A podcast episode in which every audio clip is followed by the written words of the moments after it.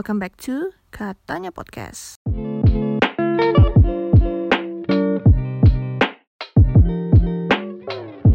Karena uh, gue take-nya pas hari raya Galungan gue mau ngucapin selamat hari raya Galungan buat teman-teman Hindu Sedharma. Semoga hari raya kali ini bisa membawa kedamaian dan ketenangan dan pandemi cepat berakhir biar kita sama-sama bisa merayakan hari raya tanpa perlu jaga jarak dan menyambut dengan pelukan. Karena sudah mau bertahan sampai sejauh ini. Ngomong-ngomong soal pelukan gue inget satu momen di mana gue melepas rindu sama orang yang benar-benar gue sayang. Dan gue kasih tahu ya kalau ini sebenarnya gue take-nya tuh nggak pakai skrip gitu karena kebiasaan gitu loh. Kadang kalau ide udah muncul blek gitu gue pengen langsung eksekusi. Tapi kalau moodnya ada ya kalau moodnya nggak ada ya udah gue tampung dulu jadi tulisan gue catat di notes. Nanti gue apa salin lagi ke draft yang udah gue simpan di laptop. Cuma laptop gue lagi ada di ruang tamu lagi di ruang tamu apa ruang makan gitu dipakai juga sama adik gue jadinya gue males dari kamar mau ke ruang makan juga. Laptop di ruang makan tuh kok bisa ya makan sambil nonton YouTube apa nggak ngerti nggak aneh lah pokoknya sesi rumah gue tuh laptop di ruang makan coba eh tapi gue juga mau ngucapin buat teman-teman muslim gue juga Selamat menunaikan ibadah puasa. Semoga puasa kali ini walaupun ini adalah puasa kedua kita di masa-masa pandemi.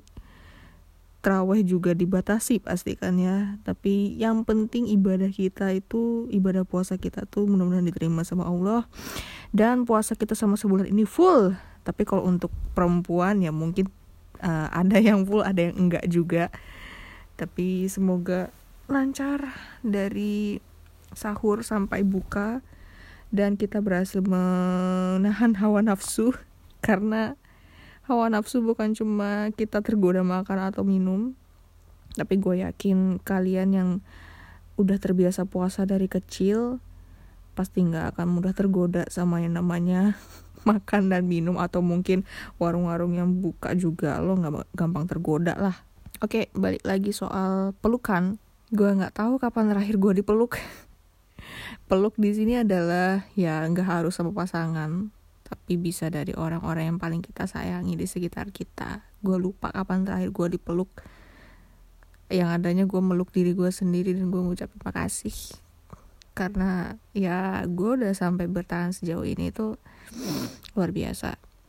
Appreciate for myself setiap harinya. Gue ngerasa capek pasti. Karena kalau gue nggak ngerasa capek super dong gue dewa dong gue karena kalau kita dikasih capek itu berarti kita udah batas limit ya tubuh kita. Berarti kita udah berusaha keras. Tapi kalau lo nggak ngapa-ngapain tapi capek ya berarti lo harus mengisi kekosongan dalam diri lo dengan aktivitas biar capeknya itu lebih bermakna gitu loh. Lebih ada artinya daripada nggak ngapa-ngapain tapi capek gitu. Kayak lebih capek lagi nggak sih mikirnya? Kok gue ngerasa capek tapi nggak ngapa-ngapain ya itu lebih capek lagi gitu loh tambah capek lagi mikirnya. Dan cari why-nya kenapa kita kok bisa capek karena nggak ngapa-ngapain gitu kan. Ya seperti yang mungkin teman-teman tahu sendiri kalau ini kan puasa udah yang kedua ya setelah pandemi. Tahun 2020 puasa pertama kita saat pandemi dan banyak banget hal yang dibatasi. Banyak banget hal yang sebelum-sebelumnya kita dapetin hilang sejenak. Dan kita selalu berdoa semoga ya tahun lalu tahun lalu ya kita berdoa semoga lebaran kali ini corona hilang. Ternyata bablas sampai tahun depan sampai puasa ketemu puasa lagi. Kita selalu berdoa hal yang sama semoga pandemi segera berakhir. Dan mungkin kita juga berdoa semoga lebaran kali ini pandemi udah gak ada lagi. Doa akan selalu ditampung sama Tuhan melalui langit, tertulis di langit sana. Ditampung, ditampung. Dan mungkin itu adalah doa yang tertunda. Karena gue percaya gue gak tahu ya apakah ada hadis yang mengatakan seperti ini tapi gue ngerasa gue pernah baca juga kalau doa itu ada tiga macam doa yang terjawab doa yang tertolak doa yang tertunda tapi dari ketiga ini semua berarti baik doa yang terjawab berarti kita sudah uh, apa ya istilahnya match sama doa kita udah pas waktunya buat Tuhan ngabulin doa kita dan waktunya tepat. Yang kedua, doa yang tertolak karena apa yang kita doakan adalah hal yang tidak baik untuk kita dan akan digantikan yang baru sesuai ingin. Yang ketiga, doa yang tertunda, doa yang kita panjatkan terus-menerus tapi waktunya belum tepat untuk dikabulkan. Jadi ya yang kita pengenin itu pasti akan dikabulkan cuma waktunya pasti ada. Nggak tahu dan kita nggak tahu doa itu kapan dikabulkan. Dan mungkin doa yang kita panjatkan dari tahun lalu mengenai pandemi ini akan segera berakhir. Mungkin itu adalah salah satu doa yang tertunda. Masih ditampung sama Tuhan.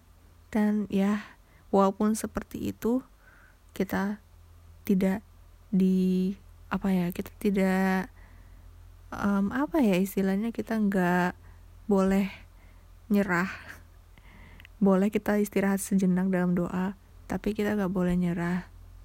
Kalau doa-doa kita tuh yakinlah bakal dikabulkan. Karena ya Tuhan juga capek kali ngeliat pandemi ini terus berlangsung.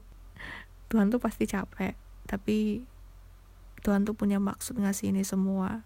Itulah kenapa kita harus dengerin apa sih yang disampaikan sama Tuhan. Baik atau enggaknya ya tergantung kita seberapa peka sama Tuhan. Pelukan balik lagi ya. Ngelor ngidul ini. Oke sebelum ke masuk ke pelukan jadi ya karena pandemi ini kan ya kita tahu sendiri bahwa kita nggak boleh mudik. Tahun lalu nggak boleh mudik tahun ini juga nggak boleh mudik karena ya mungkin di satu sisi ada pro dan kontra juga mengenai kita nggak boleh mudik. Ya pemerintah tuh pasti ngasih peraturan ini tuh udah dipikirkan matang-matang. Cuma kalau gue nggak sukanya kalau udah peraturan udah ditetapkan terus habis itu di tengah-tengah diberi syarat untuk kelonggaran ini dan itu. Dan gue tuh nggak suka banget sama ketidak konsistenan itu loh udahlah A ya A B ya B nggak usah lah. A jawabannya B lagi. A, misalkan gini jawabannya sudah A keputusan sudah A. Nanti di tengah-tengah keputusannya B gitu loh. Gak suka banget sumpah sama ketidak konsistenan apalagi kalau pemerintah aja gue gak suka konsistenan apalagi lu gitu loh. Jengkel banget sumpah kalau udah kayak gitu tuh. Kayak penerbangan ditunda apa ditutup dulu biar kita nggak boleh ke mana-mana. Habis tuh dibuat kelonggaran dan pakai surat ini pakai surat itu gitu loh. Akhirnya apa? Ada kerumunan. Kasus covid tambah naik. Ada agak tuh gue sebenarnya kalau ngelihat postingan penambahan angka korban corona gitu ya kayak males banget gitu tapi kalau gue lihat saat ini udah istilahnya kayak udah bisa diatasi gitu loh. Udah nggak banyak banyak banget lah istilahnya nggak seperti sebelum sebelumnya kan tidak apa sih tuh di, udah nempel di otak gue tapi nggak bisa keucap gitu udah bisa dikendalikan. Nah, ini yang bos gue bilang udah bisa dikendalikan. Sedikit demi sedikit dikendalikan. Cuma ya korban positifnya masih ada gitu. Tidak separah sebelum-sebelumnya itu kan kurvanya mungkin lagi tinggi-tingginya lah. Kalau sekarang bisa dikendalikan, insya Allah ya. Dan dan gue pikir pemerintah memutuskan untuk um, tidak memperbolehkan kita mudik itu ada maksud baik juga. Biar kita kan nggak tahu ya kok gue mikirnya gue nggak tahu apakah gue yang bawa, bawa penyakit ke sana atau mereka yang bawa penyakit gue ke penyakit dia ke gue untuk pulang ke rumah. Gak ada yang tahu kan. Ada OTG juga kan orang tanpa gejala juga kan. Kita nggak tahu dan gue ngerti maksudnya baik biar kita sama-sama diajak kerjasama untuk meng menghentikan lah istilahnya pandemi ini. Siapa sih yang nggak capek sama pandemi ini? Capek cuy. Capek banget kan? Tapi memang masih ada yang ngeyel pengen pulang kampung alasan kangen ini itu iya gue tahu lo pada kangen sama keluarga ngumpul sama keluarga makan opor sama keluarga ketupat bareng sama keluarga pakai baju bareng foto bareng sama keluarga terus habis itu ditanyain kapan kawin? Kapan nikah? Kapan punya anak? Kapan undangan ini? Itu mana pasangan lo Hah, kan? Itu yang nggak enaknya. Gue tahu lo kangen. Cuma ya gue juga kangen gitu loh kalau di cerita gue ya gue ngeliat ada beberapa orang yang masih bisa pulang kampung dalam artian dia tuh nggak perlu nyebrang pulau gitu loh. Kampungnya ya Bandung tinggalnya sekarang dia di Jakarta. Ya Jakarta Bandung bisa transportasi darat cuy. Bisa juga transportasi udara nggak perlu transportasi laut. Lo mau nyebrang ngapain dari Jakarta ke Bandung cuy? Kasusnya ini nggak cuma Jakarta Bandung mungkin yang Jakarta Semarang Aduh Jakarta mana gitu lah. Yang gue pikirin tuh Jakarta Karena Jakarta kan kota besar. Biasanya kita pulang kampung kan ke daerah-daerah uh, Apa ya Daerah-daerah Jawa gitu kan pasti. Jakarta tuh bukan Jawa Tapi dia di pulau Jawa Sip Jangan diberatkan itu. Dan sedangkan gue Kampung gue Dua-duanya itu lintas pulau. Gue tinggal di Bali uh, Tinggal di Bali uh, spesifiknya Denpasar ya. Denpasar Timur. Kampung gua di Banyuwangi. Satunya di Palembang. Lintas pulau semua. Nah terus kalau yang paling dekat lah yang paling bisa gue jangkau pakai transportasi darat dan gue masih sanggup buat nyetir mobil tuh ya Banyuwangi. Dan pemerintah memutuskan untuk tidak boleh mudik itu kan transportasi publik kan ditiadakan. Kapal laut itu kan transportasi publik otomatis juga tutup dong walaupun gue pakai pulang apa tuh pulang kampungnya eh mudiknya itu pakai transportasi pribadi. Transportasi publik kapal tuh kan juga transportasi publik ya pasti ditutup lah pelabuhan. Tapi diperbolehkan pulang kampung apabila kita berniat untuk menjenguk orang yang sakit atau ada yang meninggal. Dan itu juga harus ada surat kelurahan kok nggak salah. Kok nggak salah baca ya atau nggak salah dengar itu adalah salah satu syaratnya juga selain kita harus mm, apa rapid test antigen. Gue kangen juga sama keluarga yang di Banyuwangi karena gue juga udah setahun nggak pulang. Gue juga kangen ziarah ke makam ayah gue jujur gue lagi di masa kayaknya gue kangen sama ayah gue karena dalam sebulan ini kalau dihitung-hitung ya gue udah mimpiin beliau itu udah berkali-kali tapi nggak sering. Maksudnya nggak ber, berturut-turut satu hari besoknya gue mimpiin besoknya gue mimpi lagi enggak kayak ya jarang tapi sebulan ini udah cukup banyak gue mimpiin beliau. Mungkin beliau juga kangen sama gue uh, kangen makamnya diziarahin sama gue tapi gue yakin keluarga di sana pun juga ziarah ke sana. Cuma kan gue anaknya cuy ya di dalam mimpi pun juga gue baru sekali bisa komunikasi sama beliau gitu. Gue pernah ngobrol sama beliau itu karena gue dalam suatu cerita gitu ya di dalam mimpi itu gue ngelihat beliau dan beliau nggak sengaja lihat gue minum sambil berdiri. Kan kita nggak boleh ya minum sambil berdiri entah itu dalam agama atau dalam kesehatan pun dalam dunia medis pun juga kita nggak boleh minum sambil berdiri. Beliau bilang nggak boleh minum sambil berdiri nggak baik. He iya gitu. Aku ketawa gitu aja. Walaupun sebenarnya gue tahu beliau tuh udah nggak ada. Cuma dalam mimpi itu gue nggak ngerasa takut atau gimana. Mungkin kalau misalkan diexplain ke dunia nyata ya gue lari lah ke birit. Masa orang mati udah masih hidup lagi gitu kan? Ya kalau dalam mimpi mah gue nggak ada waktu buat lari. Gue pengen ngobrol gitu loh. Gue cerita sama beliau. Tapi singkat banget karena gue ngerasa 4 menit aja dalam mimpi. Udah 4 jam aja gitu loh udah pagi aja gitu. Sisanya mimpi-mimpi sama beliau ya beliau nggak kenal gue cuma papasan doang dan lain sebagainya. Intinya beliau ada di sana. Terus mengenai soal pelukan gue jadi ingat suatu momen di mana gue menjadi orang pertama yang menyambut beliau dengan pelukan gue sih sebenarnya pengen peluk bokap gue ya tapi nggak bisa. Raganya udah nggak ada.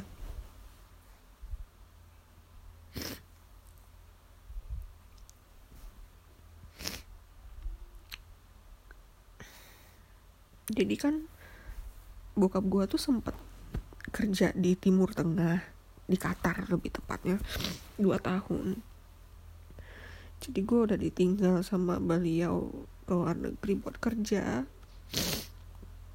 Itu dua tahun dari gue kelas 4 SD itu kenapa bisa sampai beliau kerja di luar negeri? Karena karena bom Bali 2 waktu itu kan pariwisata merosot banget jadi kalau buat kalian yang berpikir bom Bali 2 cuma ngefeknya ke orang asli sini aja enggak. Itu juga berpengaruh sama keluarga gue sampai akhirnya gue kehilangan momen sama bokap gue dua tahun waktu itu. Jadi bisa negara gitu. Di saat bokap gue mikirin gue sama keluarganya yang lain bokap rela kehilangan momen sama keluarga kecilnya. Jadi terpisah jarak gitu Indonesia sama Qatar gitu. Oh.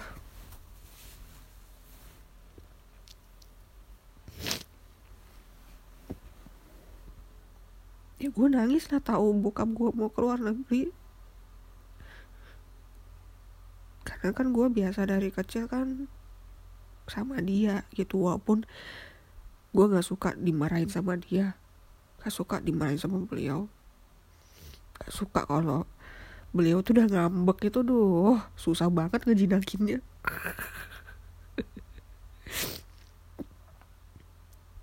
tapi gue anak ayah sih. Kalau adik gue anak anak mama memang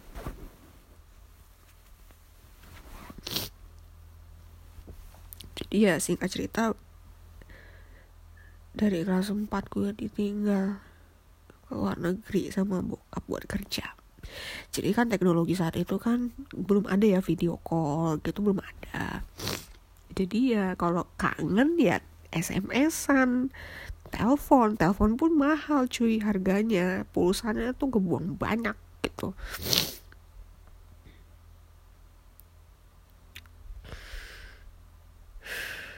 ingat banget gue tuh nelpon masih pakai HP yang tiga kali empat SMS masih tiga kali empat. Belum kayak sekarang kalau kangen mah beda negara bisa whatsappan kali nggak perlu mikir kode negara telepon kayak gimana kan. Jadi ya gue udah banyak ngalamin hal yang sekiranya gue udah dipaksa buat dewasa gitu dipaksa buat mandiri dari kelas 4 SD itu terbiasa untuk ngelakuin hal sesuatu hal yang biasanya sama bokap.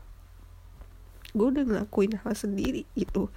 Kayak mau ke mana gitu gue pakai sepeda gayung. Gak peduli seberapa jauh itu lokasinya.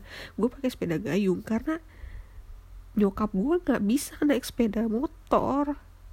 Jadi ya gue udah biasa gitu ngelakuin hal sendiri. Dipaksa buat tahu ngerasain hal sendiri itu kan ya walaupun gue juga gak terima kan. Gue butuh.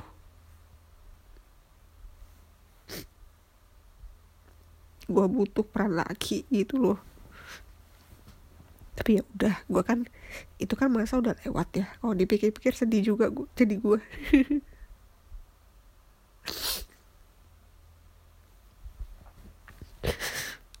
dan gak nyangka gue sekuat itu ternyata dari kecil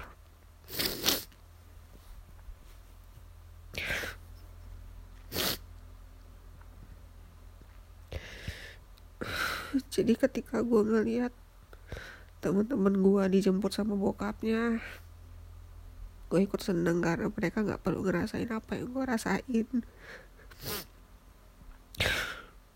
Tapi gue kangen. Waktu itu gue kangen masih bisa telepon.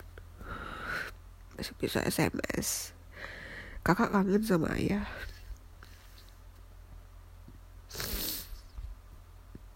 Terus gue diminta banyak-banyakin sholat. Banyak-banyakin ngaji. Banyak-banyakin doa.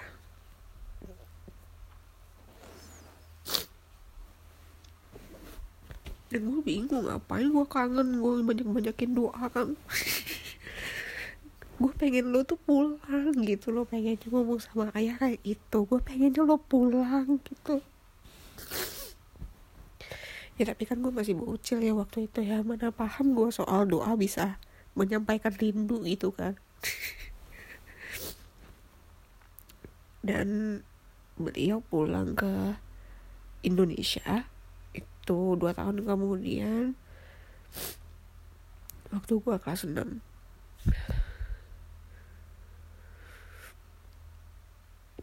ya gue seneng dong bokap gue pulang. Tapi waktu itu internasional penerbangannya tuh transitnya masih di Jakarta. Bandara Ngurah Rai belum internasional waktu itu.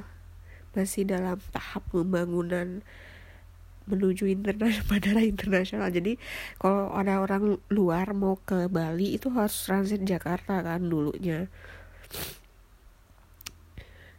Terus kalau sekarang kan nggak perlu transit Jakarta. Dari luar negeri pun bisa langsung ke Bali kan buat liburan ya doain aja ya penerbangan internasional. Dibuka kembali menuju Bali jadi orang-orang bisa liburan ke sini lagi. Gue pengen gak lihat kemacetan di Kuta lagi walaupun sebenarnya gue nggak suka macet. Jadi waktu itu malam ya malam. Uh, gue sama keluarga gue jadi lo gak usah heran sih gue misalkan lo ngerasa uh, lo menyambut suatu keluarga satu keluarga entah satu atau dua keluarga tapi yang jemput tuh kayak merasa se RT gitu loh. Jadi itu yang gue rasain. Gue jemput bokap gue yang di mana mungkin harusnya bisa keluarga kecil gue aja um, nyokap adik sama gue aja. Tapi kan ya mikir lah cuy gak ada yang bisa naik mobil belum ada kan. Jadi yang jemput juga om gue sama sepupu gue ya kayak bawa keluarga besar gitu loh cuma jemput satu orang. Dan habis itu ya pintu kedatangan uh, Ngurah Rai itu masih kecil banget masih ya ampun masih kecil banget gak seluas sekarang gitu belum seluas sekarang kan. Jadi waktu itu gue nunggu dengan sabar karena pesawatnya yang ditumpangi sama bokap gue itu udah landing. Gue nunggu di antara kerumunan orang itu gue ter, agak terpisah jauh sama keluarga besar gue keluarga besar gue udah nunggu, nunggunya di pojok gitu kan ya di tempat yang sepi. Karena di kedatangan domestik itu kan uh, apa ya rame. Gue agak berjauhan karena gue pengen ngeliat bokap gue gue pengen lihat wajahnya. Karena selama ini gue nggak lihat wajahnya. Selama dua tahun tuh gue ngeliat wajahnya. Gue hampir lupa wajahnya bokap gue kayak gimana jadi gue pengen ngeliat beliau datang. Waktu itu.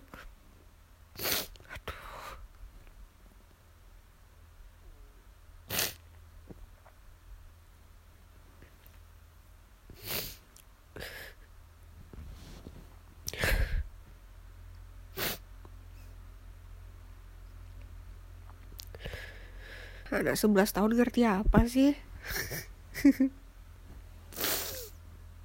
sebenarnya aku nggak mau dianggap jual cerita sedih ya karena hidup tuh gak cuma sedih doang pasti seneng aja. Seneng yang mau ditampilin. Tapi yang gue pengen cerita gitu loh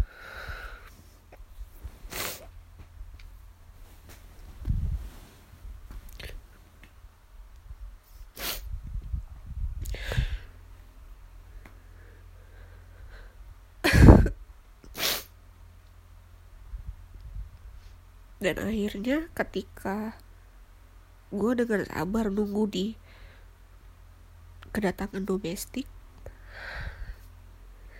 beliau keluar pakai kemeja kemeja warna apa ya? Dominan putih sih tapi ada hijaunya. Beliau bawa mainannya adik gue dan gue gue lari ke beliau dan gue adalah orang yang pertama kali menyambut dia datang ke Bali dengan pelukan. Gue kangen banget sama bokap gue dua tahun terpisah jarak dan waktu. Gue peluk beliau. Tanpa harus bilang kakak kangen sama ayah. Dari pelukan itu udah menyampaikan semuanya dan gue rasain erat banget pelukan beliau. Rasa banget.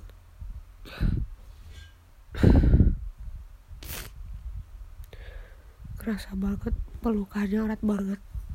Aduh aku agak bengek. Maaf ya guys. Agak bengek. Gue udah banjir ini. Sial. Gue ngerasa pelukan beliau tuh erat banget untuk anak yang umur 11 menuju 12 tahun. Itu tuh berarti banget gitu loh. Dan gue mikir gue gak mau jauh lagi sama bokap gue habis ini. Gak mau. Gak mau. Karena gue waktu itu ngungkapin kangen masih bisa lewat telepon masih bisa lewat sms dan bisa nyambut dia kedatangan dia lewat pelukan kan. Dan gue berpikir gue emang dari dulu itu pengen ngerasa jadi orang yang pertama dalam hal-hal tertentu loh ya. Jadi gue pengen banget ketika gue menyambut seseorang atau ya seseorang yang gue sayangi gue cintai gue pengen jadi orang yang pertama kali menyambut mereka tuh dalam pelukan dengan pelukan. Menyambut dia tuh dengan pelukan. Seberapa jauh jarak kita waktu kita. Gue pengen jadi orang yang menyambut kedatangan mereka tuh dengan pelukan hangat. Entah apa yang pengen gue ucapin gue pengen peluk mereka dulu. Pengen peluk dia dulu. Dan gue menyampaikan tuh dengan pelukan bukan dalam kata-kata. Seperti apa yang gue lakuin ke bokap gue waktu itu gila cuy. Kuat banget jadi gue gue baru sadar itu. Tapi sekarang kalau gue kangen sama bokap gue gue gak bisa peluk dia. Gue cuma bisa kirim doa. Mungkin itu kali ya disampaikan sama bokap gue sebelumnya. Banyak banyakin sholat banyak banyakin ngaji banyak banyakin doa kalau kangen gue baru tahu kalau sekarang itu berguna buat gue sekarang gitu loh. Karena sekarang itu cuma kalau gue kangen. Entah itu sama bokap ya mungkin sama seseorang yang gue cintai. Tapi nggak bisa gue sampai kangen gue itu lewat doa. Bahkan orang yang bisa gue peluk maksudnya masih ada raganya gitu. Ya gue bisa ngucapin kangen itu lewat doa gitu loh. Gak cuma ke bokap gue tapi ini terkhusus buat bokap gue ya buat ayah gue gue kangen sama beliau pun sekarang cuma bisa lewat doa gitu loh. Gak bisa nunggu dia datang dari bandara buat jadi orang pertama yang gue peluk. Gak bisa lagi. Dan itu pun udah 4 tahun yang hampir 4 tahun yang lalu btw dan gue udah gak bisa lakuin hal itu. Tapi ya udahlah.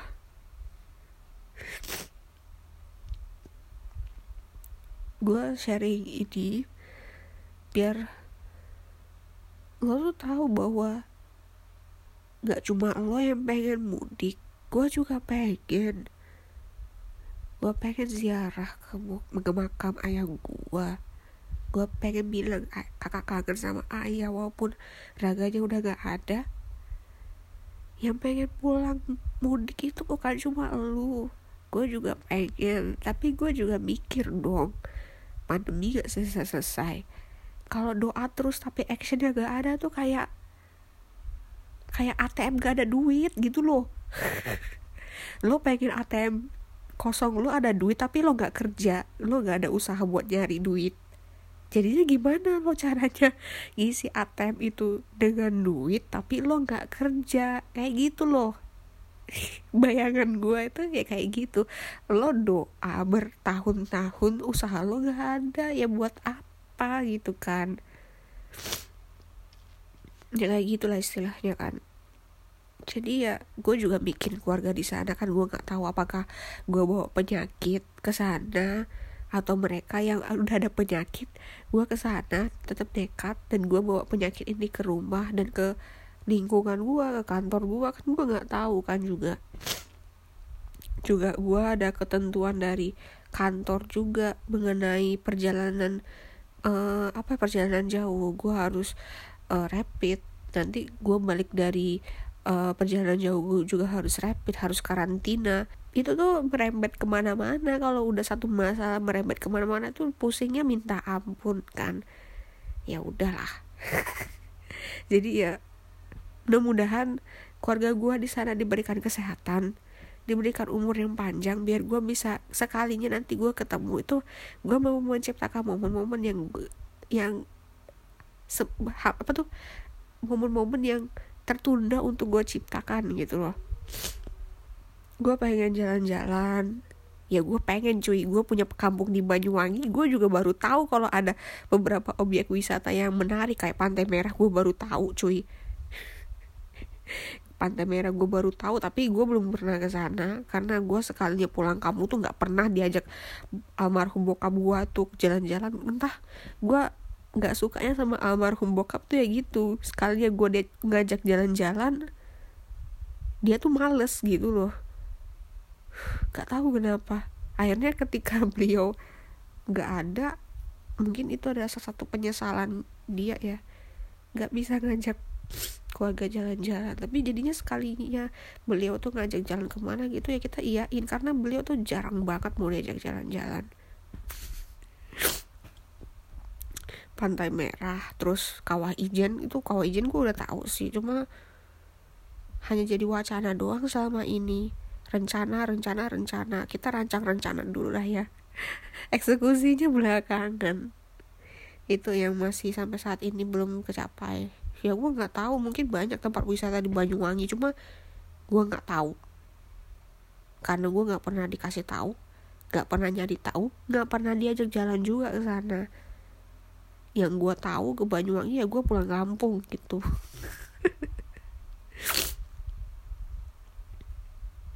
ya jadi buat kawan-kawan yang tidak bisa pulang kampung bertemu keluarga tenang. Gue juga nggak bisa. Dan teman-teman yang nggak bisa pulang kampung tuh banyak. Yang ngalamin dilema kayak gue banyak. Gak cuma lu aja. Lu nggak sendiri. Ya itu memang susahnya punya keluarga jauh.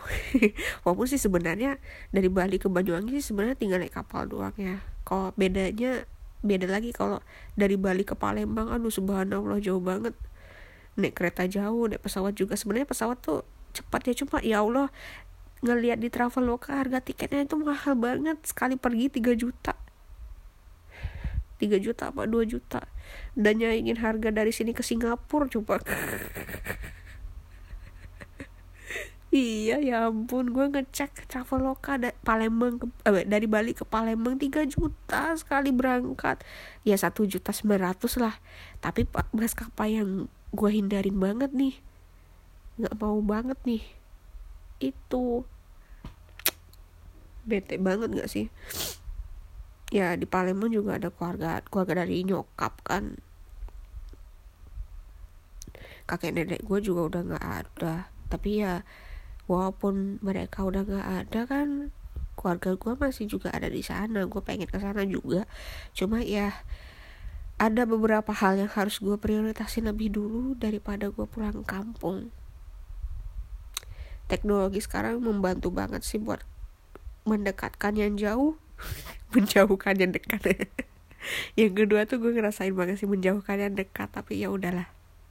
Gue ingin fokus ke fungsi utamanya adalah mendekatkan yang jauh.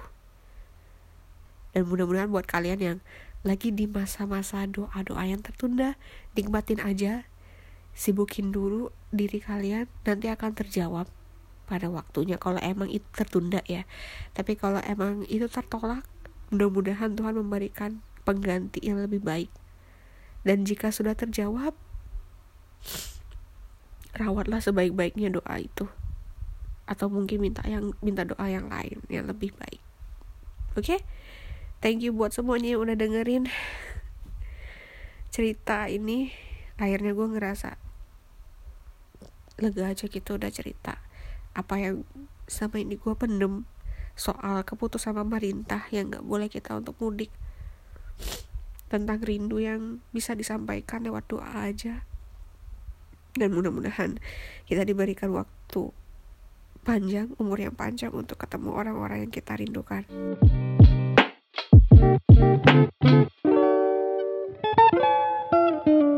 Sebenarnya gue lupa sama penutupnya jadi maafkan kalau tidak seperti episode-episode sebelumnya. Makasih buat teman-teman semua yang udah dengerin episode ini dari awal sampai akhir. Bagi kalian yang penasaran sama episode-episode sebelumnya kalian bisa cek di Spotify bisa juga cek di Anchor di Apple Podcast atau Google Podcast. Di situ semua episode sudah ada. Jadi uh, podcast ini bisa didengerin tidak hanya di Spotify aja ya tidak hanya di satu platform aja tapi bisa di berbagai platform favorit kalian. Jangan lupa juga follow Instagram gue at atau at katanya podcast karena follow Instagram gue gratis tidak berbayar. Dan mudah-mudahan di next episode gue bisa bawa cerita apa lagi. Gue nggak tahu mau bawa cerita apa karena ini aja rekaman gue gak pakai skrip gue natural banget dan sampai jumpa di episode berikutnya. Tetaplah bahagia dan tetaplah tetaplah mencoba untuk membahagiakan orang-orang yang patut kalian bahagiakan. Sampai jumpa di next episode dan bye bye.